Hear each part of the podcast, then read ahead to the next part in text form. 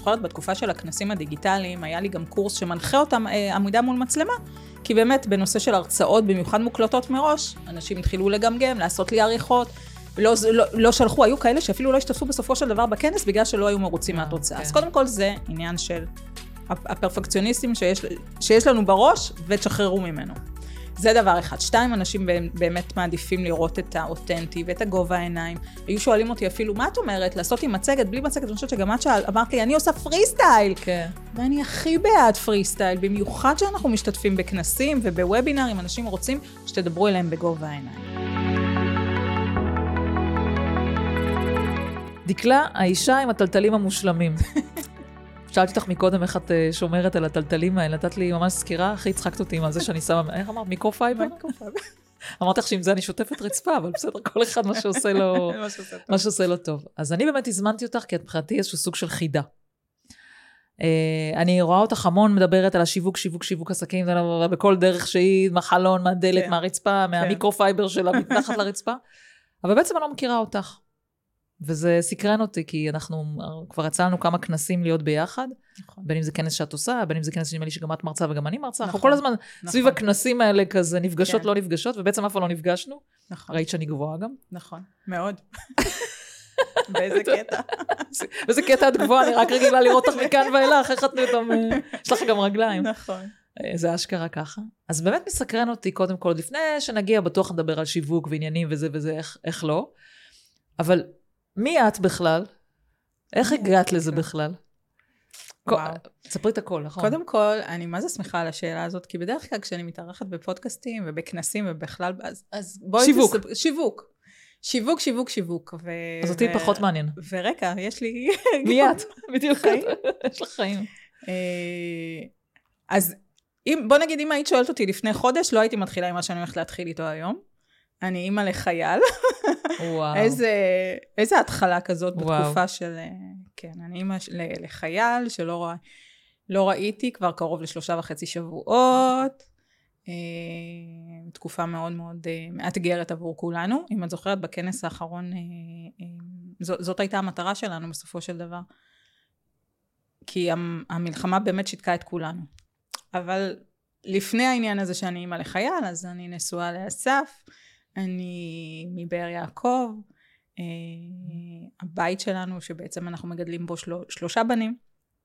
וואו. הגדול, אה, כמו שאמרתי, אה, חייל, יש לנו גם תיכוניסט, ועוד פיצקלח ביסודי, שעושה סדר בעניינים. וכשהייתי בהיריון עם האחרון, באמת עוד הייתי סדר גודל של עשר שנים עוסקת בתחום של שיווק כשכירה. Mm-hmm. וכשהייתי בהיריון עם האחרון, אז אסף אמר לי, בואי, בואי תעשי איזשהו ניסיון של לעשות לביתנו, מה שנקרא. אה, זה לא היה קל, זה לא היה פשוט כמובן, כי לעבור מהשלב הזה של להיות שכירה, שאת, אה, יש לך את, ה, את הלו"ז שלך, ואת יודעת בדיוק מה את עושה בכל שלב, וגם עצמאי בבית, אז זה לא היה קל המעבר הזה, Mhm. אבל אה, אני שמחה עד היום, ואומרת תודה לאסף על הפוש הזה שהוא נתן לי, וכן, ומאז תשע שנים אני כבר עצמאית. לא חשבת אז- לעשות את זה לבד, אגב? זאת אומרת, אה, אה, לא דגדג לך? היו איזשהו, היו מחשבות, בגלל שראיתי את אסף כמה הוא פורח בתחום הזה, אבל לבוא ולעשות צעד כזה, בטח כשיש עוד בן זוג בבית שהוא גם עצמאי, ומי כמוך יודעת שזה עליות ומורדות, אז זה לא היה בבת אחת. כאילו הייתי Mhm. צריכה באמת להתבשל קצת עם עצמי, אה, ואז באמת זה קרה. זה בסופו של דבר קרה. אה, המעבר הזה של אה, לעשות עבור אה, אחרים, כשיש לך המון ידע בשיווק, תואר שני בשיווק, התמקצעות בתקשורת שיווקית וכל הנושא הזה של שיתופי פעולה וקשרים שצברתי במהלך השנים. Mhm. אה, אבל זה לא היה מעבר אה, פשוט אה, מהבחינה המנטלית, אבל once עשיתי אותו, משם אה, מה שנקרא אי אפשר לחזור אחורה. אני זה מבינה אותך. אבל תספרי באמת על המעבר המנטלי, כי אני, המעבר אותי. תמיד מסקרן, כי בפודקאסט שלי אני מאוד רוצה גם לתת כלים, אבל גם לתת כן. השראה. זאת אומרת, להראות שזה אנשים, איך אומרים, כמוני וכמוך צמחנו, לא בן בת של שרי אריסון וכאלה. זאת אומרת, לא. באמת אנשים מן היישוב, מה שנקרא. אז מעניין אותי את את ועם עבודה המעבר. מסודרת, ושאת יודעת מה, מה את עושה, ואת קמה בבוקר, ואת יש לך את הלו"ז שלך, ויש לך אה, את כל הפסיליטיז של... ומשכורת אה. ומשכורת, והייטק, ו... ו... אבל באיזשהו מקום את מרגישה שכל יום דומה ליום שקדם לו. גם למרות שזה בשיווק, ובשיווק אנחנו יודעים כמה זה משתנה כל הזמן, אבל זה שוב, זו אותה מעטפת, וזה אינטריגות אה, בתוך, ה, בתוך החברה, ודברים מהסוג הזה, שאין אותם בחיי עצמאית. אה, מה גם שהנושא של השכר, אז התקרה, אין, אין שם תקרה בסופו של דבר. ו, וזה מה שרציתי עבור, עבורי, עבור ביתי. וכן, וכמו שאת אומרת, המעבר המנטלי הזה הוא לא, הוא לא דבר קל, זה לא משהו שעושים בו סוויץ' יום אחד, ואומרים יאללה, כן, בואו ננסה את זה. Mm-hmm. בטח ובטח לא בגיל, קרוב לגיל 40, לעשות אה, מעבר כזה זה ממש ממש לא פשוט. אמ, אבל אני חושבת שדרך אגב, מי שרוצה, אז יש, יש על זה הרבה מאוד אה, מידע אצלי באתר על הנושא הזה של מה המתנה שלך לעולם, איך mm-hmm. עושים את המעבר הזה של קפיצה אה, mm-hmm. כדי לעבור להיות מסחרר לעצמאי, אבל once עושים את זה, אז אתם נשארים בסופו של דבר, ולא רוצים לחזור אחורה, אני מבטיחה לכם. קודם כל, אני גם תמיד אומרת את זה. אני תמיד אומרת שאני מאחלת לעצמי שאני לא אחזור להיות שכירה, לא כי סבלתי כשכירה, ממש לא, לא, לא סבלתי, אבל האושר, באלף, שזה מסב לי להיות uh, עצמאית, הוא בעיניי נכון. פרייסלס. אני, אני טרי, אבל אני למשל אצלי ידעתי כל השנים האלה, שאני, יש לי את הקטע היזמי בתוכי, אני ראיתי איך הפרחתי כל מקום שהגעתי אליו, איך הפכתי אותו מקטן לאימפריה. אבל עם זאת נורא פחדתי. כאילו נורא פחדתי לעשות את הצעד הזה, ועד שלא פיטרו אותי לא עשיתי את הצעד הזה. באמת? כן. כן. היום אני אומרת כאילו... היום את אומרת תודה למי שעשה את זה. ברור, אני צריכה לשלוח לו פרחים כל יום, כן, ארבע פעמים ביום. כן. ברור. תראה, עשיתי את זה כן, כלומר, גמלה בי החלטה שאני לא הולכת להיות שכירה יותר, כן עשיתי את זה תוך שנה וחצי, כלומר, לא עזבתי מקום כזה, גם okay. אוקיי. שכר מאוד גבוה, וישר הלכתי להיות עצמאית. Okay. אוקיי. כן בניתי את עצמי בערך שנה וחצי, הלכתי לעבוד במקומות אחרים בידיעה שזה פייצ'ק וזהו, כן. לא מקום שהולך להישאר. אבל לא השקעת שם שעות. לא. הורדתי את כמות השעות, בטח, אה, גם, גם הורדתי את האחריויות, נכון, כן, אחריות ברבים. כן, כן. כאילו הורדתי את זה, כבר הלכתי לעשות משהו שאני יודעת שאני עושה בעיניים עצומות. אפרופו גם שיווק, גיוס נכון. משאבים, כל הדברים שאני לימים, נכון, עזרו לי גם בעסק כן. של עצמי. כן, זה לקח איזה תהליך של שנה וחצי, ו- ואני אגיד לך, אפילו גם אז, כאילו לא ידעתי שאני הולכת להיות כזאת טובה בזה. מה ששכנע אותי זה ש... כל פעם עזבתי, עשיתי כמה מקומות עבודה. היה לי את השכל להבין, אוקיי, לא מקום אחד, אלא כל פעם אני אקח כמה מקומות עבודה. ואז כל פעם הורדתי, רבע מפה, חצי משם, חצי רבע, כל מיני כאלה.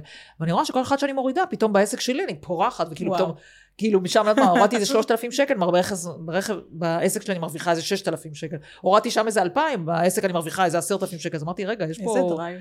כאילו, ואז נתן לי דרייב, כן. אבל אם לא היה את החלק כן. הזה, המעבר הזה מיום אחד לשני הוא מפחיד רצח. נכון. גם עשיתי את זה כבר עם ילדים, אז אני גם עשיתי את זה גם עם ילדים, ועוד עם, אה, ממש לקראת סוף ההיריון, החלטתי שזהו. הורמונים, הורמונים. היום בדיעבד אמרתי איזה אומץ. נכון, הורמונים, אולי בגלל שההורמונים היו כאלה בשיאם. אבל אה, כן, אבל זה היה הצעד הכי חכם אה, שיכולתי לבקש עבורי. אני מסכימה איתך לגמרי שבמיוחד במיוחד כאימא, זה לא צעד פשוט. Mm-hmm. יש לך המון המון המון אחריות. בטח ובטח שיש לך עוד עצמאי בבית, אבל uh, בסופו של דבר את רואה את ההצלחות. ואני זוכרת בתקופה של הכנסים, אגב, פרחתי דרך אגב, אה, לשאלתך, מי את דקלה? אז המון מכירים אותי בגלל עולם הכנסים, זאת אומרת, נכון. שמונה שנים הייתי מפיקת כנסים, והשם השני שלי היה פאנל למומחים. אז uh, לא מזמן תומר גם uh, כאן עשה איזשהו אירוע, וככה זה לחבק את כולם שלא ראינו הרבה מאוד זמן. Mm-hmm. והאהבה המדהימה הזאת מהקהל, מהאנשים, מכל הקולגות שאנחנו פה בסופו של דבר ביחד. נכון. אה, זה לא משהו שחוויתי כשהייתי שכירה. אה, ואני ממש מרגישה את ההערכה הזאת של עצמאית, של איזה יופי, איזה שם בנית לעצמך. אה, אז איזה, קטע, אני, אצלי זה אחרת, אצלי זה הפוך. למה? כי כשכירה, בגלל שנפגשתי כל הזמן, הייתי מנהלת יחידות, אז נפגשתי כאילו ממונים עליי וקולגות וזה, אז מאוד ראיתי את ההערכה. וכשהתחלתי להיות עצמאית, אני עובדת מהבית. אני, העסק שלי הוא ב- בלפטופ, זהו, יש לי לפטופ. אוקיי. וזהו, את יודעת. ו... ואת עובדת מהבית ואת עושה עבודה ווובינארים, ונכון, באים מאות אנשים ומאות אנשים וזה וזה. ואת לא קולטת איזה אימפקט זה. מתי את קולטת אימפקט? שאני הייתי לפני כמה זמן, ב... לפני איזה חצי שנה או משהו, הסתובבתי בתל אביב שם ב... במדרחוב, וניגשה אליי מישהי, וואי, דנה, אני חייבת לך סלפי, ועניינים, ואני מקשיבה לפודקאסט וזה. טוב, בסדר, חשבתי אחת, kind. סלבריטי. בקיצור, עכשיו, בגלל שאני לא בבית, אני מסתובבת בהרבה מקומות. כאילו, אה, לא היה לי מקום שינה קבוע. אז אני הולכת לכל מיני קיבוצים, וזה, נכנסת שם, ואני נכנסת למרכולית, או לכל מיני מקומות, וזה, וואי, דנה, למדתי אצלך, וואי, דנה, אה, חיה, זהו, קיר דחיקות, כל מיני כאלה. אז זה משהו אחד שפתאום כזה, כי את, את עובדת מהבית, את לא יודעת מה האימפקט שלך. והדבר השני שקרה זה שאני הולכת לכנסים, אני בדרך כלל לא הולכת לכנסים פיזיים. אוקיי. אני מאוד נרתעת מזה. יואו, אני בדיוק להפך. אני חייבת את הנגיעה אז זהו, אני, הפרונטלית עם אנשים. אני נרתעת מזה משתי סיבות. אחד, אני בן אדם שקשה לי לזכור פרצופים. אוקיי. זה משהו שגיליתי על עצמי לאורך השנים. אוקיי. גילת אנקורי, השחקנית, כן. דיברה על זה איזה יום אחד, אמרתי, יואו, זה מה שיש לי. אני לא קלטתי אפילו שיש לי את הקטע הזה. אוקיי. אני יכולה לראות את הבן אדם, ולא לא לדעת שפגשתי אותו. והיא יש לה את זה מאוד חמור, היא אומרת שהיא ממש צריכה, נגיד, היא- שהיא מגיעה לקאסט מסוים, היא ממש צריכה כאילו, שיגידו לה מי זה כל הבן אדם. אני גם וואו. נתקלת בזה, ואני יודעת שכשהייתי קטנה... איזה לא נעים זה? זהו, כי אז חושבים שאני נורא סנובית, סנובית. ואני לא מזהה פשוט. והקטע השני זה שנגיד בסרטים, הרבה פעמים אני הייתי קולטת שאני לא מזהה שזה עוד פעם, נגיד הוא היה מחליף בגדים, אני לא מזהה שזה אותו, שזה זה. כן. וחשבתי שבסדר, זה כאילו קטע. אני לפעמים שואלת את הבנות שלי, זה, זה הוא, נכון? כאילו. אז בגלל זה אני נמנעת, כי אז אנשים חושבים שאני נורא סנובית, סנובית. ואני לא מזהה, או שנגיד באים לה, וואי, דנה, את זוכרת, נפגשנו וזה, ו- לא, לא זוכרת. לא, לא זוכרת. ולא נעים לך להגיד, אה, לא כן, זוכרת. כן. אז הנה, אם אני לא אומרת למישהו שלום, זה זה הקטע. מזה. אני ממש לא, כאילו מבחינתי לא ראיתי את הבן אדם, זה קטע. אז זה סיבה אחת. ודבר שני, שאני לא, אני מרגישה שאני לא, אני לא טובה בסמול טוק. כאילו, לא, לא בן אדם כזה של סמול טוק וזה, למרות שזה לא כזה נכון, זה יותר במוח שלי, אני יודעת שזה ככה. כן. אז אני לא מגיעה כל כך לכנסים. ואז אמרתי, טוב, מה, את סתומה? מה, את יושבת בבית כל היום ולא מגיעה לכנסים? ואז התחלתי להגיע לכנסים, שהתחילו לצאת אחרי הקורונה כן. וזה. ופתאום אני רואה אנשים אומרים, גם ניגשים אליי כולם, וואי, את פה וזה, ואז פתאום הבנתי עוד פעם את האימפקט הזה. את מבינה את הקטע כאילו? זה, זה כאילו, את יושבת בבית, עובדת. בעוד שכשכירה הייתי רואה אנשים, הם אומרים לי, וואי, וזה, ראינו שעשית ככה. פה כאילו, בסדר, אז אנשים כותבים לי נגיד מיילים וזה וזה, את לא מבינה את זה. אז כאילו אצלי, באתי לספר לך שזה בדיוק היה זה הפוך. הפוך לגמרי. נכון, נכון. אני רוצה אה, להתעכב רגע על משהו שאמרת קודם, וממש ממש הרגיש לי, כאילו נגעת בדיוק בנקודה. הנושא הזה שכשאנחנו יוצאים בסופו של דבר ועושים את הצעד הזה, ויוצאים להיות uh, עצמאיים, או שכאלה שהם יזמים מלידה ועושים את זה ישר אחרי הלימודים, uh, יש, יש תמיד את, ה, את הפחד הזה, את העניין הזה של uh, אני אצטרך באמת כל הזמן להיות בחוץ, אני כל הזמן אצטרך לשווק את עצמי, אני בסופו של דבר, אם, אם, אם אני לא אצא החוצה, אם אני לא אראה את הפנים שלי, אז מה, אז כאילו אני, אין, אין לי, העסק שלי לא קיים. ו... ואני ואת יכולות בעצם להעיד שהעסק שלנו מתקיים גם כשאנחנו לא יוצאות, היה את התקופה של הקורונה שהיינו. סגורים הרבה זמן בבית, ובתקופות של מלחמות, דברים מהסוג הזה, אנחנו נשארים כל הזמן נכון. בבית, נכון. והעסק שלנו עובד ומתקיים, ו... ותודה רבה לשיווק בדיגיטל שעוזר זה, לנו. זה מצחיק, את יודעת, לפעמים אני נגיד, אה, לפעמים אני חולה בבית, או משהו כזה, את מרגישה על הפנים וזה, אבל העסק שלך עדיין ממשיך לרוץ, כאילו עדיין יש לך סרטונים וזה. ואז אני אומרת לחברה שלי, יואו, תקשיבי, אני בבית, אני לא מסוגלת לזוז. אמרתי לי, תגידי, מה, את עובדת עליי? אני עכשיו ראיתי איזה סרטון שלך, כולך אה, אה. פינפונים וזה, את עובדת עליי? אמרתי לה, כן, ברור שאני עובדת עליך, זה לא אונליין, נכון. מה שנקרא. זה לא... אבל ברגע שאנחנו עושים את הסוויץ' הזה, מצליחים להבין שהכל בסדר, גם אם אנחנו כמה ימים לא נצא מהבית, אנחנו ממשיכים לעבוד, אבל כן צריך לדעת שצריך לדאוג שיהיה לך סדר יום קבוע, זה לא מתאים לכל אחד, לבוא נכון. ולעשות את המעבר הזה. אה, במיוחד, נכון. במיוחד למי שעובד מהבית, אה, צריך לדעת לעשות את הסטופ, יש את העניין של בית זה בית, לנהל בית זה לנהל בית, אבל אתה מחויב לעסק, ללקוחות. אה, נכון. ואם אתה רוצה באמת לצבור ולחוות צמיחה בעסק, אז אה, תשקיע ב- בכל מה שצריך. חד משמעית. אצלי למשל הדרייב היה להיות נווד- נוודית דיגיטלית. מה. היה הדרייב שלך? זה, אז בגלל זה יצאת לעצמאות? כן. וואו. בגלל זה יצאתי לעצמאות. ואגב, אני עוד חודש הולכת אה, הלכה למעשה לממש את זה. לקח לי איזה עשור, אבל אה, לא משנה, זה יש, כאילו... יש מצב שאנחנו יכולות לדבר על זה עוד הרבה אחרי השיח הזה המשותף, כי אני יכולה להגיד לך שזה משהו שככה כל הזמן, אה, בתור עצמאים, אה, אנחנו כל הזמן חושבים אה, על זה שאנחנו, כל מה שאנחנו צריכים זה בסך הכל את הלפטופ וקו נכון. אינטרנט נכון. שיעבוד כמו שצריך. אה, וזה שאת עושה את זה עם ילדים, זה עושה, עושה לי ממש חשק לשמוע על זה עוד. אני, אני, אני רציתי כן להתעכב על העניין הזה של לעשות עסק, לנהל את העסק וגם להצליח בו. השיווק בסופו של דבר הוא מה שהחזיק אותנו. אה, אני חושבת שהעניין הזה של לעשות לביתך, והדרייב שבסופו של דבר, שאלת אותי על הדרייב שלי, היה לגמרי הילדים. זאת אומרת, אני אימא, אני לא יכולה להרשות לעצמי עכשיו ולעבוד, במיוחד בתחום של השיווק ובתחום שבו עבדתי, שזה היה הפקות של אירועים ותערוכות, ולא לחזור, ב... לפעמים היינו חוזרים אה, באמצע הלילה אחרי וואו. הפקה של תערוכה. אז הדרייב היה לגמרי להיות uh, עבור הילדים שלי, uh, וגם לנהל ולעשות קריירה, ונדהמתי, אני יכולה להעיד היום כמה נדהמתי, כמה זה אפשרי, כמה זה אפשרי וגם להצליח. ולהשאיר אימפקט. אה, נכון. כל הזמן את, את, את נדהמת מהאימפקט שאת מביאה. נכון. אני, אז, אז אני בעצם לקחתי את הדרייב שלך, גם אני רציתי להיות עם הילדים, עם הילדות שלי, אבל כאילו הוספתי עוד גם נוודית דיגיטלית. כי אני באתי מבית שההורים שלי כל הזמן טיילו, כי אבא שלי היה רב חובל. אוקיי. אז הם גם חיו חמש שנים באונייה, אוקיי? והיו בכל יחד העולם. יחד איתכם? לא. לפני. לפני. לפני. וכאילו, את מבינה, אז את באה למשפחה כזאת שאת יודעת שכל הזמן מטיילים, אז כמובן זה היה בצורה אחרת. אז זה משהו שמאוד רציתי כל השנים. ואני חייבת להגיד, כמה שאני אומרת את זה עכשיו, אני גם לא מאמינה שזה הולך לקרות. אפילו שעשיתי את זה עכשיו חודשיים, וזה זה עדיין כאילו נראה לי לא הגיוני. אבל כן, בסוף את צריכה לפטופ ו... וזהו. כן, כן. ואני רוצה לעשות גם את הפודקאסט, ממשיך אותו משם. כאילו, אני רוצה כן להמשיך את, ה... את הדברים שלי. אז זה כאילו היה הדרייב. ו... ואני רוצה באמת שנדבר על הקטע הזה רגע, אני אכנס תכף לשיווק, אבל אני רוצה להגיד רגע מילה אחת לשיווק לפני שנכנסים לעומקם של הדברים. אחד הדברים שאני הכי נתקלת בהם, שאנשים, אה, אני מלווה הרבה עסקית, שאנשים מאוד נרתעים מהשיווק משתי סיבות. אחד, זה כמובן הנראות של עצמם, כאילו, אני לא הכי דוגמנית, אני לא זה, אני לא זה. והדבר השני, העובדה שצריך להוציא כסף על שיווק לפני שרואים את ה-money אוקיי. money, מה שנקרא. Okay. אוקיי. שזה שני דברים שאני רוצה רגע שנשים אותם פה על השולחן. כי זה שני דברים שאם אנשים יבינו שאפשר לעשות אחרת, אני חושבת שזה כבר... נכון. יתר הכלים כבר... Uh, בדיוק. אז איפה אני פוגשת את זה למשל עכשיו? עכשיו במלחמה, כל החבר'ה שאני מכירה, בעלי עסקים, איפה הם ישר uh, צמצמו? בשיווק. או מה אני עכשיו אשווק? אחד, בגלל שאיך אני אשווק עכשיו כן. במלחמה וזה, ומה אני בכלל יוציא כסף עכשיו על שיווק. ואני כל הזמן מסבירה ששיווק תמיד קודם למכירות, שתמיד קודם לכסף. תמיד. נכון שבעסק שמתגלגל את לוקחת מהמכירות הקודמות ושמה בשיווק כן. העתידי. אבל בואי נדבר רגע על הקטע הזה של שיווק, יעני, מה לעשות, זה על הקרח. לפעמים את לא תמיד יודעת איך זה יפגע, וזה בסדר, זה לא מדע מדויק. נכון. מה, מה עמדתך לגבי זה? אין דבר כזה מדע מדויק, בטח ובטח בנושא של שיווק.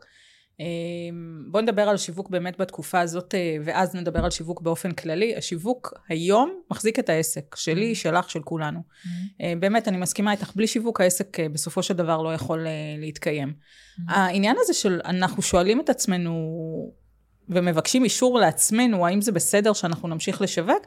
נכון, בתקופות של מלחמה, בתקופות של משברים, לוקח לנו רגע את הזמן, אנחנו, אין מה לעשות, אנחנו לא יכולים להתעלם ממה שקורה בארץ. לקח לנו רגע להת, להבין מה, מה הסיפור, את היום, יומיים להתאבל, לא לעשות שום דבר, וזה בסדר גמור שכל אחד לקח לעצמו את הרגע להתאבל, גם אם באמת הנושא הזה לא פגע בו אישית. אה, אבל אחרי יומיים, שלושה, בסופו של דבר התחלנו, אה, חזרנו לעניינים, ודווקא בתקופות האלה, העניין הזה של קודם כל שיווק ממומן, אנחנו רואים את ההשפעה שלו. קודם כל יש את ההורדה המדהימה של מחירים, כאילו באים לקראתנו, ממש הרגשתי שבאים לקראתנו. זה רק נראה לי כי פשוט אף אחד לא שיווק.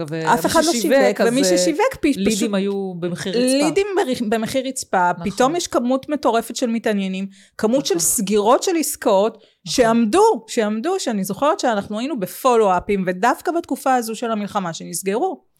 אז, mm-hmm. אז זה בדיוק הפוך כזה ממה שאנשים נוטים לחשוב, נכון. שצריך לעשות את העצירה הזאת, ושאנשים צריכים את הרגע לחשוב.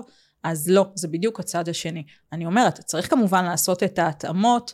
היה את הכמה ימים שעבדנו בתפעול של העסק, ברגע לכתוב תוכן, בלחשוב עוד צעד קדימה. אנחנו בינינו גם יצרנו קורס דיגיטלי בזמן הזה, אבל כמובן שלא הורדנו את הרגל מהגז בעניין הזה של mm-hmm. השיווק. מאוד mm-hmm. מאוד חשוב. אז איך את רואה באמת את הקטע הזה של באמת שאנשים באים ואומרים, וואו, בשיווק זה משהו שהוא כזה לא ברור, אני כן אחזיר, ואני לזה, ולמה לעשות ממומן, בוא נעשה אורגני. שבעיניי זו טעות. אה, איך את רואה את זה? אורגני לא עובד אה, לבד.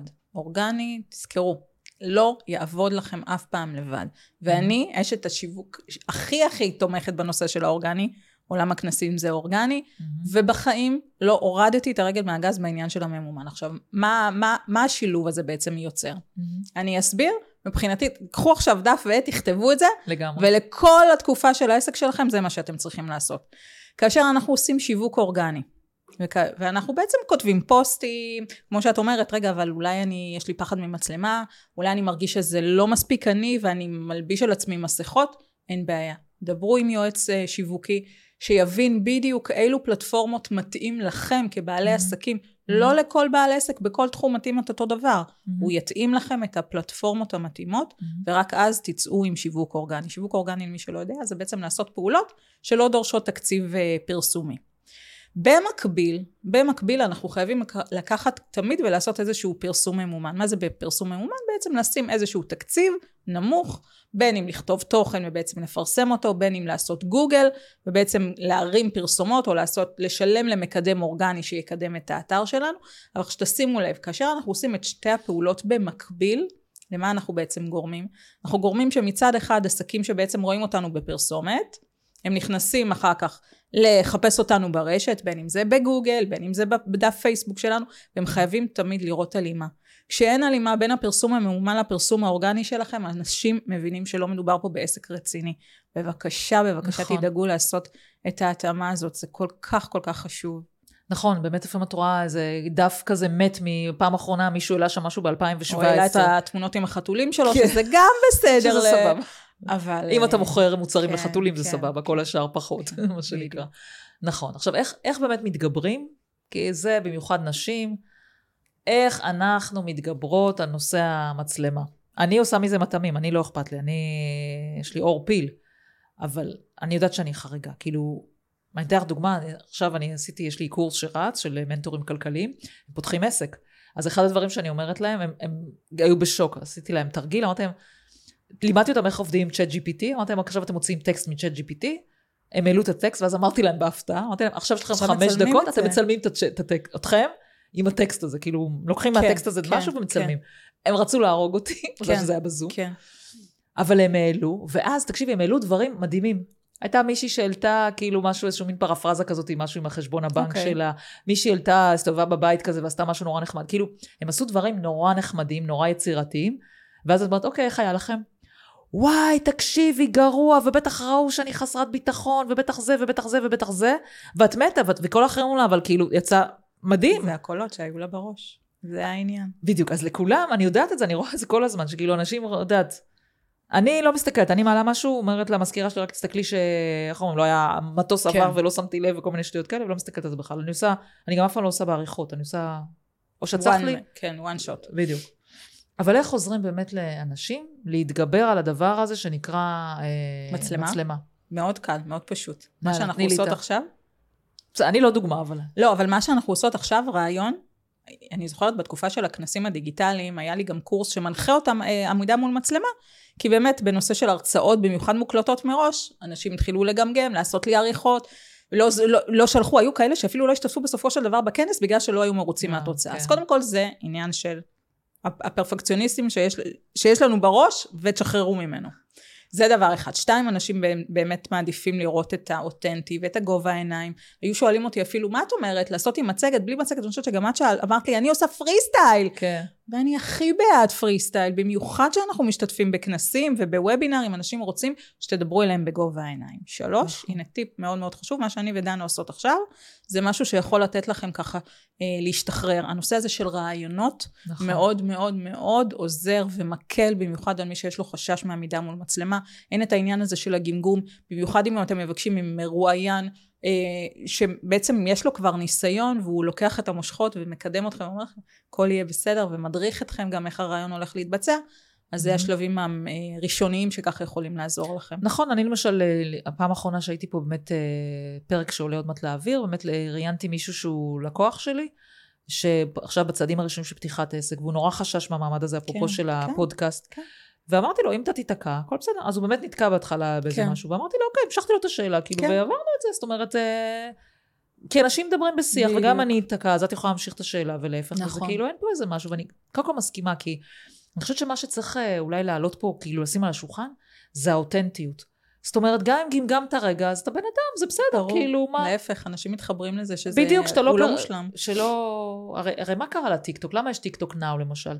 כי טיקטוק הפך להיות למקום שכולם מעלים סרטונים מעוקצעים אה. כאלה שעשו להם את זה עריכה ו... כן. איך אומרים? אני תמיד אומרת, וריטוש. כאילו, את את יוצאת מושלמת כזאת וזה, ואת יודעת, כל מיני כאלה. וטיקטוק Now, אז זה הרי המצאה שקמה כדי עוד פעם להחזיר את האותנטיות, כי עכשיו את צריכה לצלם את זה, ואת יכולה להעלות את זה, אין לה, את לא יכולה להעלות עריכה. זה כאילו עכשיו. אז תמיד תהיו אתם, זאת אומרת, ואת יודעת מה אני תמיד אומרת? ששיווק זה הטבע השני שלי. שיווק זה הקול שלי. זה האני. אני דנה כמו שאני. תמיד אומרת, מה שאתם רואים בפודקאסט, מה שאתם רואים כן. בסרטונים שלי ומה שאתם רואים זה, אמנם את הגובה אתם לא רואים. נכון. אבל, אבל זאת אני. זאת אומרת, גם את שבאת עכשיו להכיר אותי, ואת לא מכירה אותי ברמה האישית, אני מניחה שאת פחות רואה שאני אותו דבר כמו שראית אותי גם לפני זה. לא היה איזה... כן. לא מניירות לכאן ולא מניירות לכאן. אני חושבת שבסוף כולנו אנשים. בסוף כולנו... עושים את אותם דברים, לא נכון. יפר, בלי לפרט נכון. יתר על המידה. כאילו... אגב, דרך אגב, תמיד אפשר גם לקחת ולהגיד את זה בצורה הכי קלה ופשוטה, פשוט תנקו את זה רגע. אני מתרגש. נכון. וזה בסדר גמור גם להגיד שאתה מתרגש, נכון. במיוחד בוובינארים. אני זוכרת את הוובינארים הראשונים, שיש קהל, ו... ורגע, ואיך אני אדבר, ואם אני אגמגם, אז אני, אני כאן, אני מתרגש. ו... נכון. מרגש, מה לעשות, המעמד הזה מרגש את כולנו. נכון. Uh, עוד טיפ שככה יש לי uh, לנושא הזה של צילום ועמידה מול מצלמה, למי שעדיין לא רגיל, אז קודם כל, היום יש לנו עזרים טכנולוגיים שבאים לעזרתנו, כמו פרומפטרים למיניהם. אה, אני לא מסתדרת עם זה, תקשיבי. יש משהו שאני לא מצליחה להסתדר, זה איתו. או שזה רץ לי מהר מדי, איטי מדי, זה נראה לי לא טבעי מדי. בסוף אני חייבת לדבר ככה. אני כנראה מאלה, אני בכלל לא מסוגלת, זה, זה הוא מיועד, אני חושבת, לאנשים יותר עם תבניות, שצריכים את התבנית הזאת. נכון. מישהו כמוני שמדבר אה, כאילו כן. כזה. את גם מדברת מהר, אז בכלל זה לא, לא, לא ה prompter אה, צריך לעקוב אחריו. זה לא בשבילך. בדיוק. בסדר גמור, זה לא בדיוק. בשבילך. ולהפך, דווקא בגלל זה אנשים בעצם מתחברים אלייך, כי הם מתחברים ל, ל, לאדם שאת... לאנרגיות. כן. לאנרגיות שלך, והנושא הזה של prompter א', יכול מאוד להציל אותנו, למי שמרגיש תקוע. אני אסביר רגע מה זה prompter למי שלא כן. מבין, שזה בעצם, הטקסט, אתה יכול לרשום טקסט על הטלפון, על הסמארטפון, ואז נכון. אתה יכול להקריא אותו, ואז אתה נראה שכאילו מסתכל על המצלמה, ולא כאילו נכון. מחפש את הטקסט איפשהו אבל גם פה לעשות איזה שהם כמה טייקים, שבאמת זה לא נכון. ייראה כמו, כאילו אתה... אתה קורא קורא מדף. זה אופציה אחת. אופציה שנייה, באמת, כאשר למשל אנחנו משתתפים בכנסים דיגיטליים, שאומרים אנחנו נושא של כנסים, אז uh, לעשות כמה טייקים, פשוט uh, לעבור, ללמוד את החומר. Uh, לא תצטרכו בעצם להיות, uh, להשתתף בכנסים דיגיטליים מוקלטים אולי גם יכול לעזור יותר uh, לנושא הזה של המידע מול מצלמה. נכון. ושיווק זה אותנטיות. בסופו של דבר, ההצלחה שלכם תהיה כאשר אתם תהיו אותנטיים. אני קודם כל מסכימה, ואני יכולה להגיד שאני את הוובינארים הראשונים שלי, הייתי מעבירה אותם כאילו הייתי עושה אותם כאילו לפני קהל, הייתי עושה חזרה גנרלית. אוקיי. Okay. לפני קהל, הייתי מריצה את הטקסט, הרבה פעמים שאת מריצה את הטקסט, שיצא אותו, שהמצגת כאילו על כל כן. המסך, פתאום את רואה כל מיני דברים שלא ראית כן. כשזה, או פתאום את נגיד מקריאה את המצגת או עושה את זה, פתאום את רואה רגע עברית, מה זה תפוקה פה, זה בכלל כן, מתאים. כן. אני הייתי ממש עושה חזרות גנרליות, גם זה היה לוקח לי, זה לא היה לוקח לי שעה וחצי כמו המקור, אבל כן. כאילו היה קהל, אבל כאילו כן הייתי עוברת על הכל ומדברת את זה בקול רם, כדי לראות אם זה מתאים בכלל. לגמרי. כן. כאילו הייתי עושה את זה. גם עוד איזשהו טיפ למי שעושה וובינארים. נכון. ללמוד ובעצם לחזור uh, טיפונת על החומר. דרך אגב, זה בדיוק כמו שלפני שאתם עולים לדבר מול קהל, אתם תחזרו רגע על החומר. נכון. Uh, כדי שזה יהיה כמו שצריך. ולמה את מאוהבת בכנסים? מה הסיפור שלך עם הזה?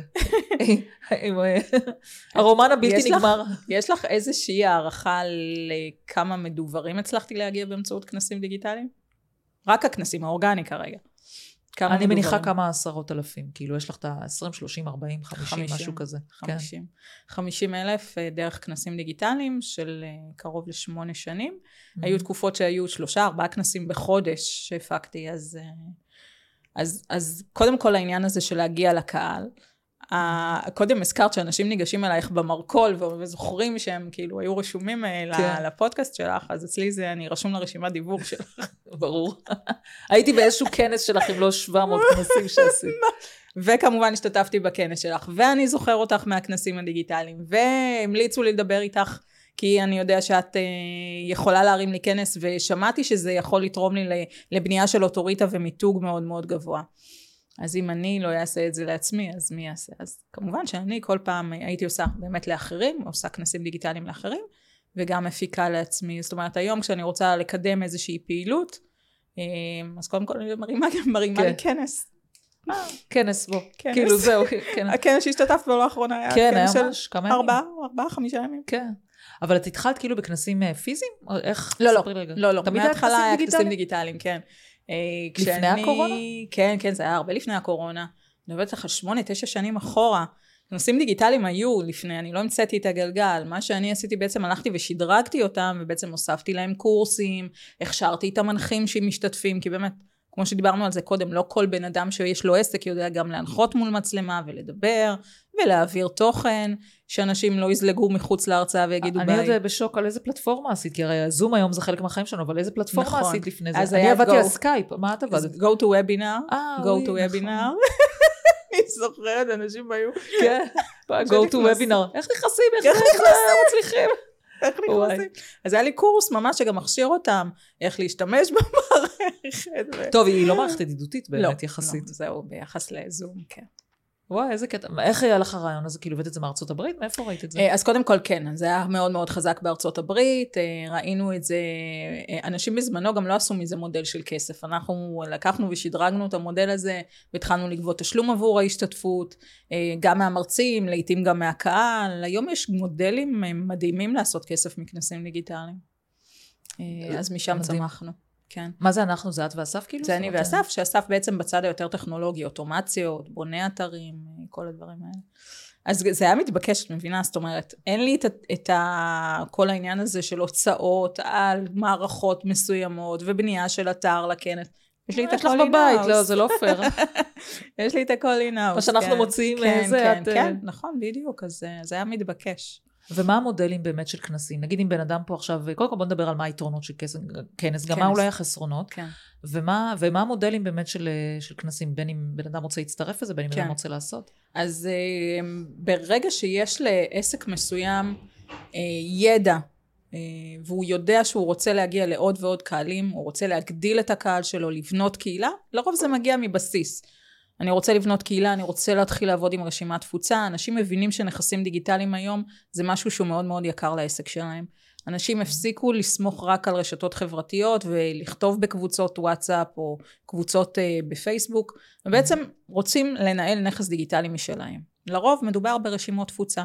אז הם מגיעים אלינו, מבינים שאנחנו, יש לנו את הידע גם לאסוף ולאגד את כל האנשים שבעצם השתתפו, את ההון האנושי שהולך להשתתף לצידם בכנס, כי המטרה שבסופו של דבר שאנשים באמת ירצו להשתתף בכנס, לשמוע את ההרצאות, להשאיר את הפרטים שלהם כדי שאתה בעצם תקבל רשימת תפוצה מאוד מאוד גדולה של לידים Mhm. רלוונטיים ואיכותיים.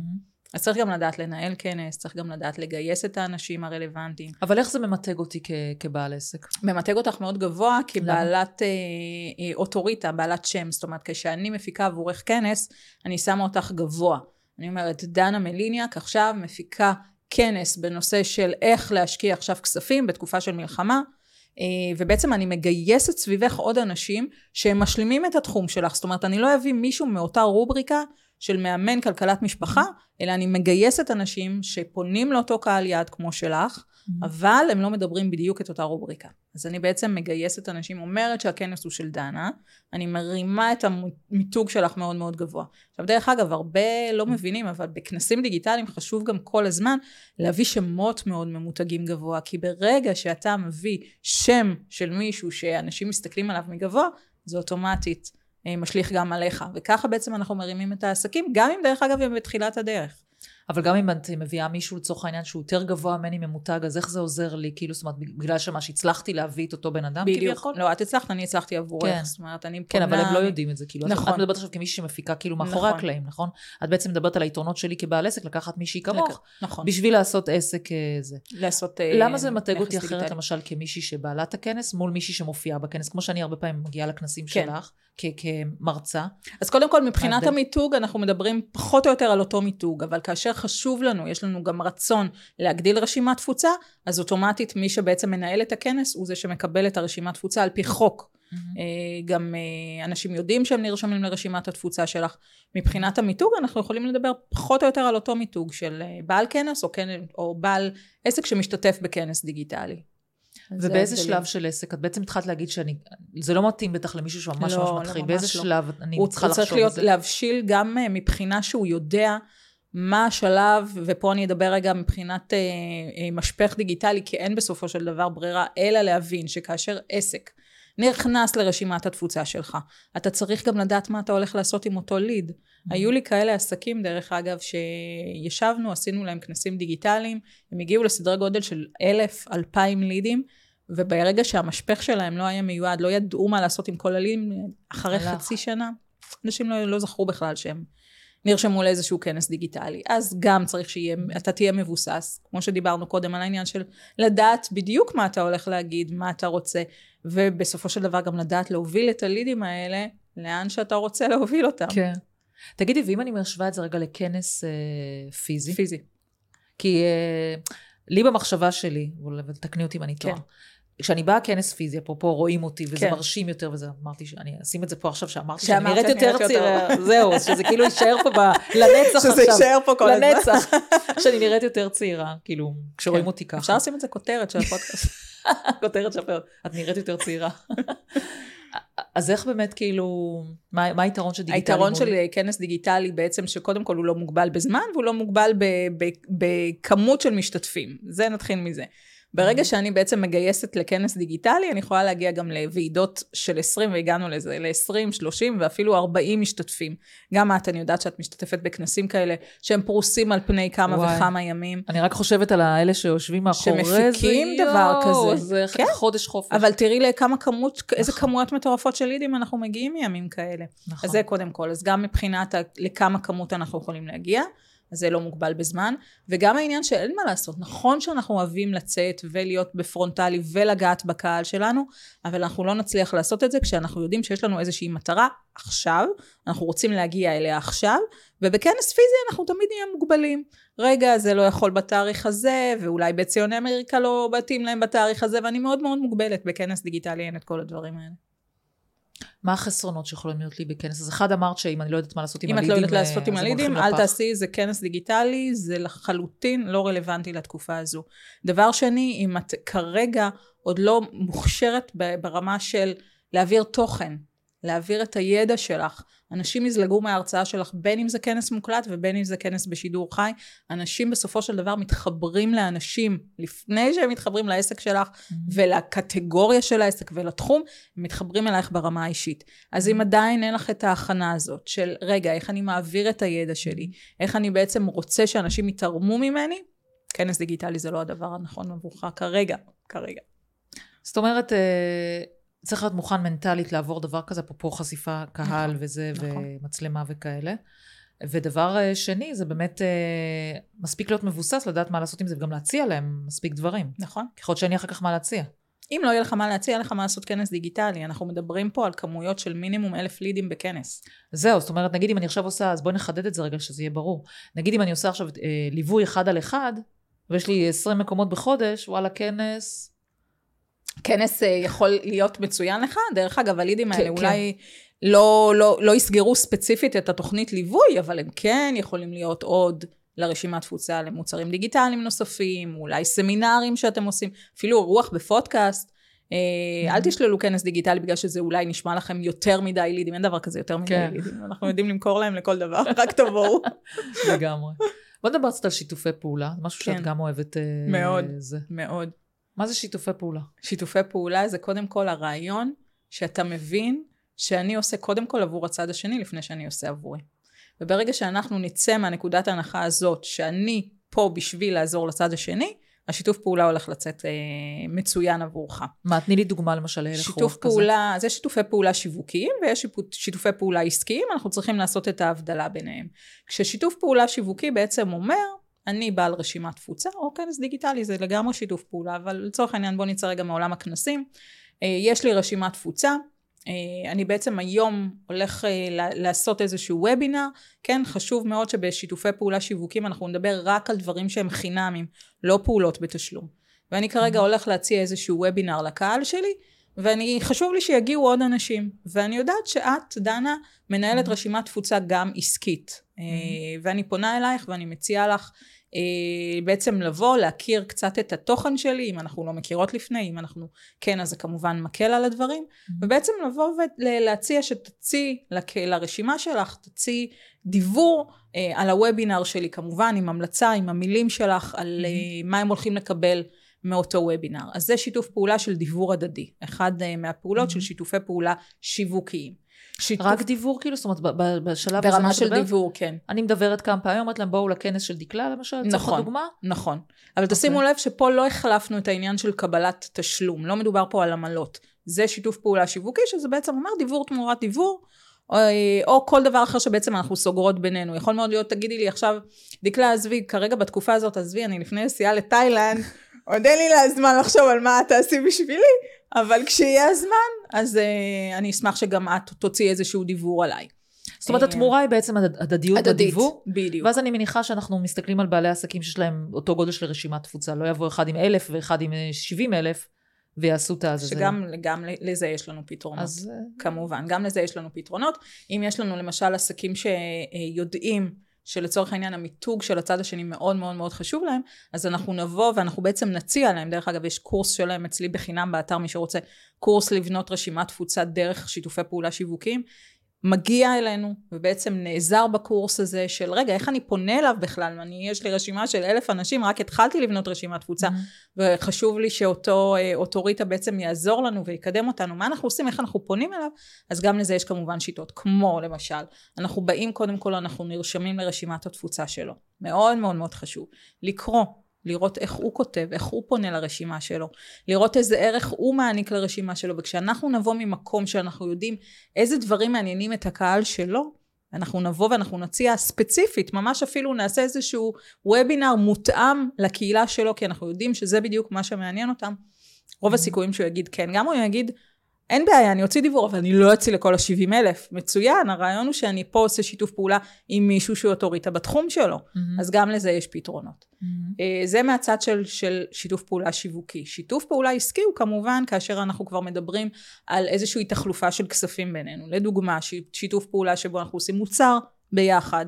זה יכול להיות mm-hmm. שיתוף פעולה עסקי שבו אני ואת שותפות לעסק, זה יכול להיות כמו קידום של וובינר משותף שאנחנו מוכרות ביחד איזשהו סמינר או תוכנית ליווי משותפת שלנו, זאת אומרת ממש mm-hmm. פעילות שהיא מעבר לדיבור כן. הדדי, זה כבר נכנסים פה לרזולוציות. אני בדרך כלל עושה, אצלי דווקא שיתוף פעולה שלא הזכרת ואני אזכיר גם שאני עושה, זה, אני מזמינה אנשים אה, אליי, לקהילה שלי, אנשים כן. שהם רלוונטיים, נגיד מישהו בנדל"ן, מישהו בשוק כן, ההון, מישהו כן. בקריפטו, לא משנה כן. מה.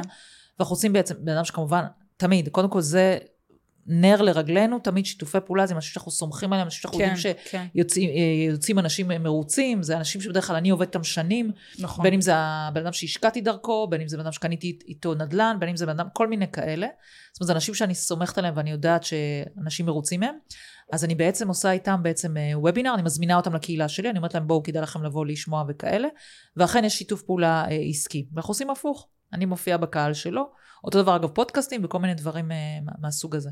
נכון. אז כל דבר כזה, תראו, זה בסוף win win situation, למה? כי מה הקושי הכי גדול של אנשים? זה למצוא את הבן אדם, נגיד, הבן אדם בא אצלי, לומד uh, נגיד התנהלות כלכלית, עכשיו הוא אומר, אוקיי, וואלה, אני רוצה לקנות דירה. אבל עכשיו עוד פעם אני צריך מחדש לחפש מי יעזור לי בלקנות דירה, או עוד פעם אני צריך עכשיו לחפש יועץ השקעות, עוד פעם אני צריך לחפש זה. אז אני כבר דנה, עוזרת לו, כי הוא כבר סומך עליי ויודע שאם אני מביאה מישהו, אז אני מביאה מישהו לעניין. נכון. אז אני חוסכת לו את הטרטור הזה של מי לחפש עכשיו. אז אם עושים את זה נכון, כלומר אם עושים מוצרים משלימים, זה יכול מאוד מאוד לעזור ללקוח, כי בסוף בסוף זה צריך להיות ווין סיטואשן לשלושה צדדים. כאילו, לי ולך שעושים את השיתוף נכון, פעולה, אבל שלנו. גם לקהלים שלנו. נכון. נכון. כלומר, אני לא אביא משהו שהוא לא רלוונטי, או, או עם בן אדם שאני לא מכירה, רק הציעו לי כסף, ו- ולי, בגלל שיש לי קהילה מאוד גדולה, אז יש לי המון אנשים שמציעים לי, בואי, אני רוצה להופיע אצלך, אני רוצה זה, אני רוצה זה.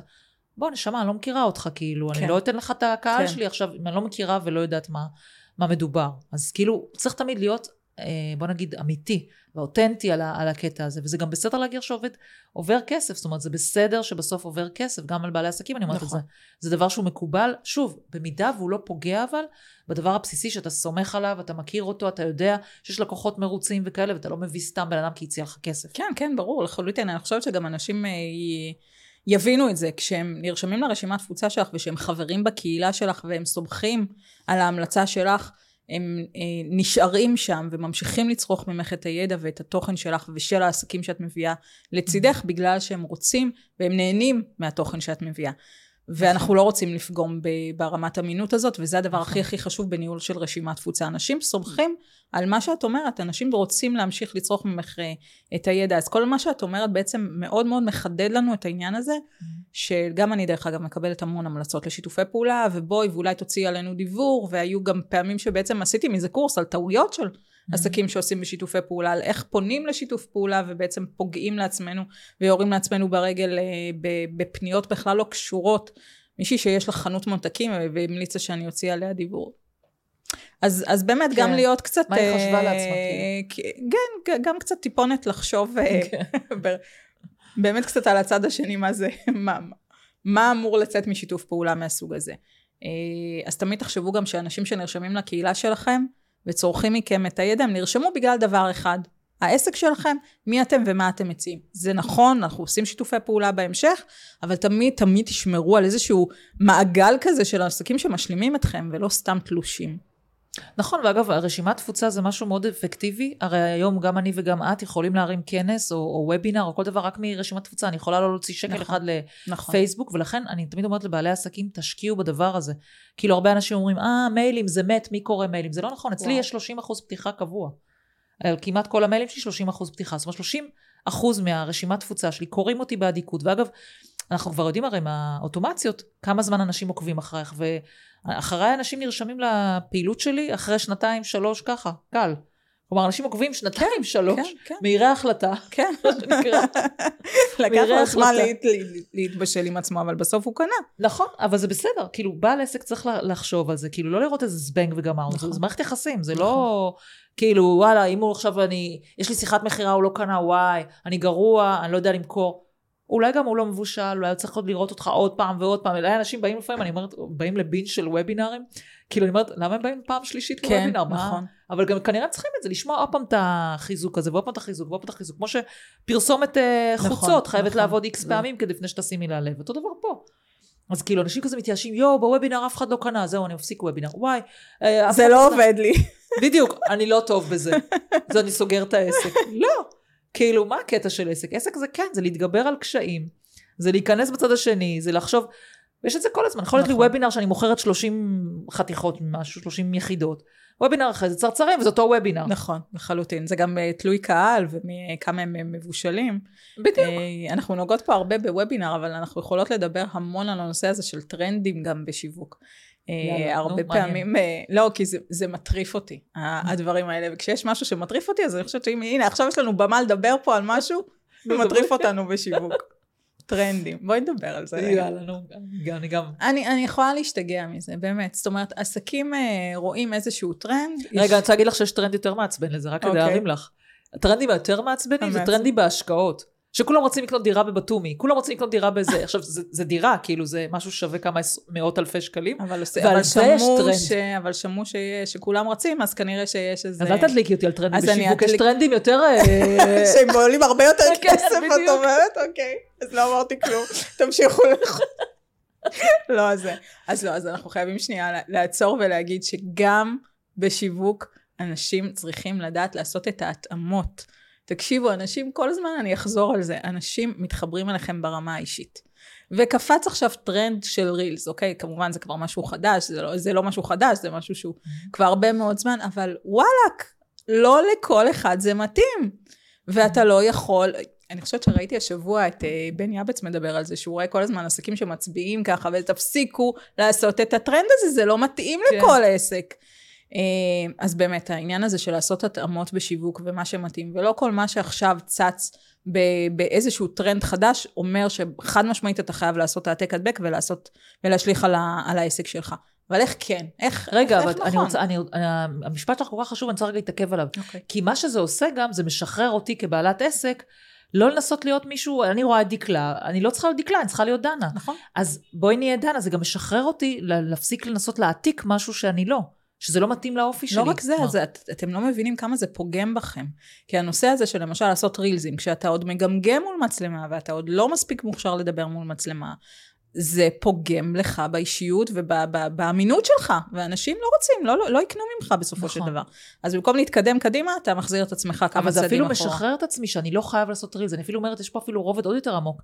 אני אפילו אומר, אני לא צריכה לעשות, אני אומרת, אני לא צריכה לעשות אפילו רילס. כלומר, זה משחרר אותי מהמקום הזה של לעשות כמו כולם, כי אם לא, אני לא אצליח כמו כולם. אני רואה את דקלה עושה רילס, אם דקלה לא עושה רילס, אני גם חייבת אני להצליח. גם לא, חייבת, לא, ממש את לא. יכולה להצליח בדרכים אחרות, בדרכים שלך שמתאימות לדנה. נכון. יש לי, אה, באחת ה... באחד הקורסים, יש לנו קורס שמדבר על 12 פלטפורמות. גזרתי מתוך עשרות אה, פלטפורמות, 12 פלטפורמות שאני מדברת עליהן. ואז באחד הסמינרים אה, מישהי הצביעה ושאלה אותי, רגע, אז את אה, נמצאת אה, בכל, בכל ה-12, את משווקת בכל... ואמרתי, הסתכלת עליה, אמרתי, נראה לך? מה, נראה לך שכל היום אני יושבת ורק עושה שיווק?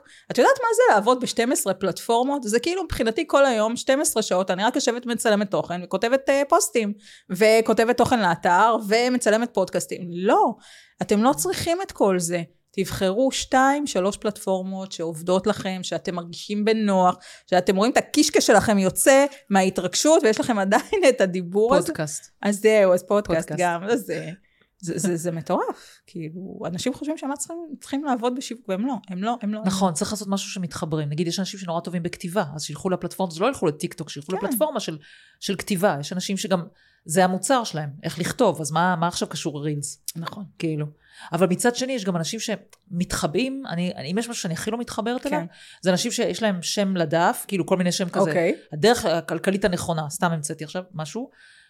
אין תמונה שלהם, אין כלום, כאילו יש כזה, זה, כאילו אין בן אדם מאחורי זה. מכירה את זה? שכאילו, כן, הטרנד כן. זה שאין בן אדם מאחורי זה. אבל איך אני אתחבר? אני באה במיוחד משהו כלכלי, שזה כאילו הכי אישי, הכי זה. איך אני אתחבר לבן אני אדם? אני נתקלתי לא השבוע בקוסמטיקאית שהדף שלה 12,000 עוקבים, כנראה קנויים. אה, והלוגו שלה מופיע, כאילו קוסמטיקאית עם לוגו, מה, איפה, הש... איפה הפרצוף שלך? בדיוק, למי אני באה? עכשיו מה, אני חייבת להיות דוגמנית? לא, אני לא דוגמנית, מה הקשר אבל?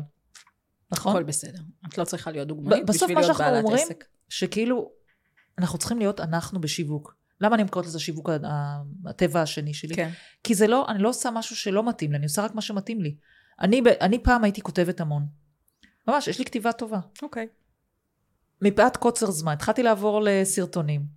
והיום כבר אין לי חשק לכתוב. אז אני לא אכריח את עצמי גם לכתוב. אם יש משהו שקשה לי, זה... לא, אבל אין לך ברירה, את חייבת לכתוב, כי את מוציאה נכון. מיילים.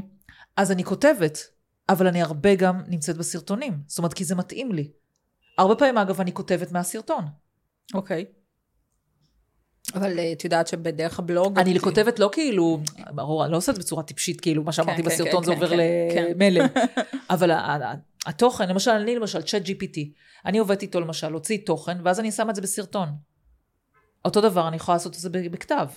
שים את זה בגוגל תרגום ולעשות את כן, זה בכתב. כן, כן, לחלוטין. וכמובן לשנות את זה לפי הסגנון שלי. לעשות שלי. אה, את ההתאמה, דרך אגב, למי שלא יודע, אז היום אה, יש לכם את ההזדמנות לדעת שככל שאנחנו מרבים לכתוב תוכן, דרך אגב, אני מאוד מקווה שמהמאזינים שלך, אה, בעלי עסקים ביניהם לפחות, הם מנהלים אה, רשימת תפוצה, ומי שלא הבין היום שזה משהו שהוא חייב לעצמו. לגמרי. אה, לגמרי. וגם הנושא הזה של לנהל בלוג באתר. Mm-hmm. מי שנכנס אלינו למשל לאתר של זוגיטל, הוא רואה שיש לנו פה מינימום 150 כתבות. שליש מהם הם מתעדכנים כמובן, אנחנו עושים אפדייט, אבל שליש מהם נכתבו רק מהחודש האחרון של המלחמה. עכשיו, למה זה חשוב? הנושא הזה של גוגל אורגני, תקשיבו, זה עובד כמו קסם. ויש לנו כאלה כלים של GPT, כאילו, זה, זה פשוט, למה לא להשתמש בכל מה ש... אוי, אני מה זה מרגישה עכשיו שמה שאני לא עושה זאת. את מה זה צודקת, ואני חייבת לשפר את זה אצלי, זה נכון, למה? זה נכון. זה, אתם לא מאמינים לאיזה ניקוד אנחנו מקבלים. אני אחדד רגע, אני אסביר אותך, okay. כי אוקיי. את uh, מדברת למתקדמים. אני מדברת למתקדמים. אני תמיד מחזירה את זה רגע, okay. אוקיי. שכל מי ששומע אותי, גם אם הוא לא מבין בזה, שיבין בזה. אני אסביר רגע, אני אתרגם רגע מה אמרת. כשאנחנו עושים קידום אה, בגוגל, אוקיי? הגוגל לוקח בעצם את המילים שכתבנו. אז אם כתבתי 20 פעם את המילה, לא יודעת מה, חרבות ברזל, אז אולי אני אופיע מתחת לממשלה. אני מגזינה כמובן, כן, אבל... כן, הקצן, הקצן קצת, אבל בסדר. הקצנתי לצורך הדוגמה, אבל ככל שהעסק שלי יותר ידבר במילים, כאילו בכתיבה, את המילים החשובות שיביאו לעסק שלי, אז אני אופיע יותר גבוה בחיפוש. ולמעשה את אומרת, אנחנו מפספסים את הכלי הזה, כי עכשיו לא בעיה לבקש מצ'אט GPT, כתוב לי מאמר עכשיו בין 150 עמוד לא שמדבר מאמינים. על זה וזה. ואני אומרת לו, כתוב לי ברגש, תקשיבו, וכתוב לי בזה. תקשיבו, אני כותבת לו, תכתוב לי מצגת. גם אני, אני עשיתי. עושה פעם מצגת בשב... לוובינר. יש לי פעם בשבועיים, אה, אני מעבירה קורס לעסקים בתחילת הדרך. ווואלה, תחומים שאני מדברת אותם בעל פה, אוקיי, אבל וואלה, למי יש כוח עכשיו לכתוב נכון. מצגת? בוא תכתוב לי מצגת. הוא כותב נכון. לי מצגת. כן, כמובן צריך לעשות את ההתאמות. הוא כותב, רק אני אסביר, הוא כותב כזה סלייד אחד, כן, וכך, וכמובן לעשות את ההתאמות, עברית, אנגלית, וכן, כן. אה, כל מיני דברים ש... שפה גוגל תרגום. אבל בסדר, נכון. אבל עדיין יש לנו פה נכון. את ההתחלה, לפעמים אתה יכול לשבת שעות לבעוט מול המסך, למצוא לעצמך תעסוקה, במיוחד אלה שעובדים מהבית, או אני רגע אעשה כביסה, או... נכון. רגע, אני אשים איזה בשר על האש. אני לא. לא. את לא. לא. אני לא. לא, לא אני אומרת, אה, תכנסי לי הביתה איפה שאני עובדת בבית, את תראי את הערימת כלים עד התקרה. כן. אני לא, כששעות עבודה שלי... שעות עבודה זה שעות עבודה. לא נוגעת. הדבר היחיד שאני עושה, היחיד, זה שמה במכונה, וזהו. כן. כי במכונה זה בדיוק דקה. אבל כל נכון. השאר, אני לא נוגעת, אגב. דיברנו על זה קודם, שחייבים שיהיה לנו משמעת. חייבים. מי, שח... מי שאין לו. משמעת, שיצא החוצה. ש... שיוציא כסף על אה, WeWork, אבל אה, חד משמעית, להיות בעל עסק, אתה חייב להיות קודם כל עם אה, בעל משמעת. נכון. אבל דיברנו קודם כל, על- קודם על טרנדים, על מה לא. בוא נדבר על מה כן. נו, יאללה. מה הדבר שהכי עוזר לך? להיות אני. באיזה אופן? הפרפקציוניזם ממני והלאה, אני נפטרתי ממנו, זה עוזר לי להיות אני בזה שאני מעלה משהו ולא מסתכלת עליו שוב. לא חוקרת אותו, לא מס... אני שונאת לשמוע את עצמי. אגב, גם את הפרקים האלה. ניצן את מקשיבה יודעת לראות שאנחנו לא איפה אני יכולים אה, לשמוע את עצמנו. יש, יש לזה הסבר מדעי גם. מה? לא מה ניכנס ההסבר? לזה. אתם רוצים דווקא- להיכנס לזה? דווקא מעניין אותי, כי אני לא מקשיבה לעצמי. יש, אה, יש לזה הסבר מדעי שכשהקול יוצא, אז אה, הוא עובר את האוויר, ואז שהאוויר, ש, שאנחנו, שזה חוזר בחזרה לאוזן, הוא, הוא נשמע לנו מעוות, ואנחנו שומעים את עצמנו מעוות, לא כמו שאנחנו... אה, כמו שאחרים שומעים אותנו. שאחרים זה שומעים נכון. אותנו. אנחנו לא יכולים אני לשמוע שונאת את את הקול שלי, אגב. אז שומעת זהו. בדיוק. בגלל זה גם אנחנו לא אוהבים להקשיב לעצמנו גם בהודעות קוליות. נכון. אז עכשיו יש לכם גם את ההסבר המדעי. אז זהו. בדיוק, אז אני... אני חושבת שהדבר אז הכי תנקו את עזר זה, לי- תנקו, תנקו, אז זה אצל זהו. כולם. זה אצל כולם. הכי עזר לי באמת, זה הקטע להגיד, זאת אני. בסדר? כמו השיר הזה, זאת אני. כן. באמת שמה, כאילו להגיד, זה מה יש, זה מה ש... what you see is what you get. לא כן. מנסה להתייפייף ולא מנסה זה. ואת יודעת, אה, אני תמיד מספרת את זה, שלפני כמה זמן היה מול ש- מישהו שאמר לי, מה, את צריכה לעשות בוטוקס, וזה כתב לי ככה בתגובות, בממומן. אני בשוק. את צריכה לעשות בוטוקס, כתב לי את זה פעמיים, אגב, פעם הוא כתב לי את זה, התעלמתי ממנו, ואחרי עוד כמה, זה, אני רואה אותו עוד פעם, אה, זה. נכנסתי לפרופיל שלו, איזה עורך דין, חשבתי אולי, יש לו סוכנות יופי כזאת, אמרתי, בטח יש לו אוקיי, אינטרס, כן, כאילו, אולי. מה... זה תמונה שרואים אותי עושה ככה, כאילו, אתה יודע איך עושים? שיש כזה, אוקיי. כזה, ככה. אוקיי. לקחתי את זה ומינפתי את זה. באותו יום היה לי וובינר, אוקיי? הוצאתי, קודם כל הגבתי לו, והוצאתי סרטון הכי לא מאופר שלי, הכי לא מחמיא לי, ואמרתי אותי בריון רשת אף פעם לא ישתיק. ואמרתי לכל הנשים שפוחדות וזה, כי אותי זה, זה הרגיז אותי. כן. כי אני יודעת מה שקורה, כל הנשים האלה, כל האנשים שאני מלווה למשל, בעלות עסקים, רואות דבר כזה, זה, זה הכי מלחיץ אותם, ברור. למה הן לא עולות ברור. בסרטון? זה הדבר שהכי מלחיץ, נכון. מישהו אחד שיבוא נכון. ויגיד להם משהו כזה. נכון. והעליתי את זה, תקשיבי, זה התפוצץ ברשת, באורגני, התפוצץ. העליתי את זה בטיקטוק, באינסטגרם וזה. באותו ערב, בוובינר, היו לי מלא מכירות, כי אנשים ראו שכאילו... אני אומרת, כי את אמיתית. כי, את בדיוק, אמיתית. כי הווב- היה וובינר מכירה לבעלי עסקים, אוקיי. ואמרתי שיווק כטבע שני. אמרתי להם, הנה, היום בבוקר כתב לי מישהו אה, זה וזה. וזה לא קיפל אותי, וזה לא זה. כי בוא, בן אדם, מה אכפת לך איך אני נראית? תקשיב מה שאני אומרת. אתה דפוק או מה? כאילו כזה. גם כל האנשים הקטנים האלה, כאילו, מה כואב לכם? הרי ברור שמשהו כואב לו, הרי הוא לא, לא היה סתם, הוא יצא עלייך, כי במקרה קרה לו איזה משהו. לא יודעת, ונכנסתי לדף שלו, וכולו, אימא שלי חגיגה 80, ורואים אותו איתה. לא רציתי לכתוב שם, אני לא בן אדם קטן, כן, לכתוב לו, כן, אה, כן. לאמא שלך להחזיר בוטוקס? לו, כן. אבל כאילו, זה לא מזיז לי כבר. אז אני חושבת שאם את שואלת אותי, מה, למה אני יכולה היום להיות מול אה, מצלמה, וזה לא היה פעם ככה. אני כן. הייתי בן אדם סופר סופר מופנם, אני מספרת את זה בוובינר שלי, אני מראה תמונות, אני בן אדם סופר מופנם. כאילו לא קמתי, יש כאלה שמגיל חמש כזה מול המצלמות וזה, כן. מכירה את זה, שרוקדות וזה, אני הבן אדם הכי נחבא אל הכלים. לא הייתי אני, אומרת... אני אה, תמיד אהבתי לדבר מול מצלמה, להציג מול מצלמה, ללמד מול מצלמה, אבל, אה, אבל אני יכולה להבין, אני יכולה להבין שלא כל כן. אחד נולד, לא, לא כל אחד ככה. נולד עם זה. אני ממש, אני יכולה להגיד לך, עד גיל מבוגר, נחבאת אל הכלים, כאילו, הכי נחבאת לכלים. זאת אומרת שכולם אומרים לי, אה, דנה, את בטח את, אה, קל לך מאוד לעשות את זה. לא, לא. עבדתי על עצמי ממש כן. קשה בשביל לצאת מהקונכייה שלי. אני תמיד אומרת, יצאתי מהקונכייה. אני מראה להם כזה תמונה של קונכייה גדולה, אומרת להם, זאת אני. הנה, זאת אני. איזה מדהים. דרך אגב, גם יש קורסים. למה לא לקחת איזשהו קורס של עמידה מול מצלמה? נכון, משהו פתיר. מאוד, אה, כן, פתיר. ופשוט, אה, ולדעת לשווק ידעתם? לא, למדתם. לדעת לכתוב תוכן ידעתם? לא, למדתם. אז כאילו, תיקחו קורס, תעשו עמידה מול מצלמה, ואתם לא תבינו עד כמה זה נכון. ישרת אתכם. אה, אבל אני רוצה לתת מה כן עובד אצלי בנושא של שיווק. אה, העניין הזה שאני מבינה שמי שנמצא ברשימת תפוצה שלי, אני מבינה שהבנתם עד היום שאני עובדת המון עם רשימת תפוצה, ומשם בעצם אני מוכרת, ועושה קורסים, סמינרים, תוכניות ליווי. אבל מה שעובד לי הכי הכי טוב, זה בעצם להבין שגם אם מישהו לא קנה היום, זה לא אומר שאני כרגע לא מכרתי לו, מה- הוא פשוט לא צריך את התוכן שלי, או את הקורס שלי, או את הסדנה שלי, היום. היום הוא לא צריך. יש אנשים שחוזרים אחרי כמה שנים, זה, זה, זה בדיוק מה שאת אמרת, אחרי כמה שנים הם יושבים ברשימת תפוצה, והם מתחממים. והם מקבלים תוכן, ומקבלים ערך, והם נהנים מהכנסים הדיגיטליים, והם נהנים מה... אה, לפעמים אני עושה להם אפילו ערבים כאלה משותפים, יש לי אגב, אוטוטו איזשהו יום שאני עושה לקהילה שלי, למה לא? סבלנות, למה? צריך לא. להיות, כבעל עסק כן. אתה צריך לרכוש אה, סבלנות. נכון. תגידי, מה את מאחלת לך, אה, לסיום, שאלה אחרונה, מה את מאחלת לך לעסק? העסק שלי? העסק כן. שלי, אני חושבת ש... אני ואסף, דרך אגב, מאחדים עכשיו ממש כוחות אה, ברמה של כתיבה בספרים, שאנחנו זוג איטל. אה, כי מי שלא יודע, אז עד היום עסק, אה, היינו שני עסקים נפרדים, אסף ניהל את שלו, אני ניהלתי את שלי. השנה אנחנו מתאחדים לעסק משותף אחד. אז שזוג איטל אה, יפרח בדיוק כמו שהוא פרח, שפרחנו בנפרד, שנפרח ביחד. וואו. ושתצליחו לעבוד ביחד, כי בכל זאת זה, כן. יש שם הרבה דברים אה, כן, מאחורי. הקלעים. נכון. וואו. אז דקלה, המון תודה שבאת.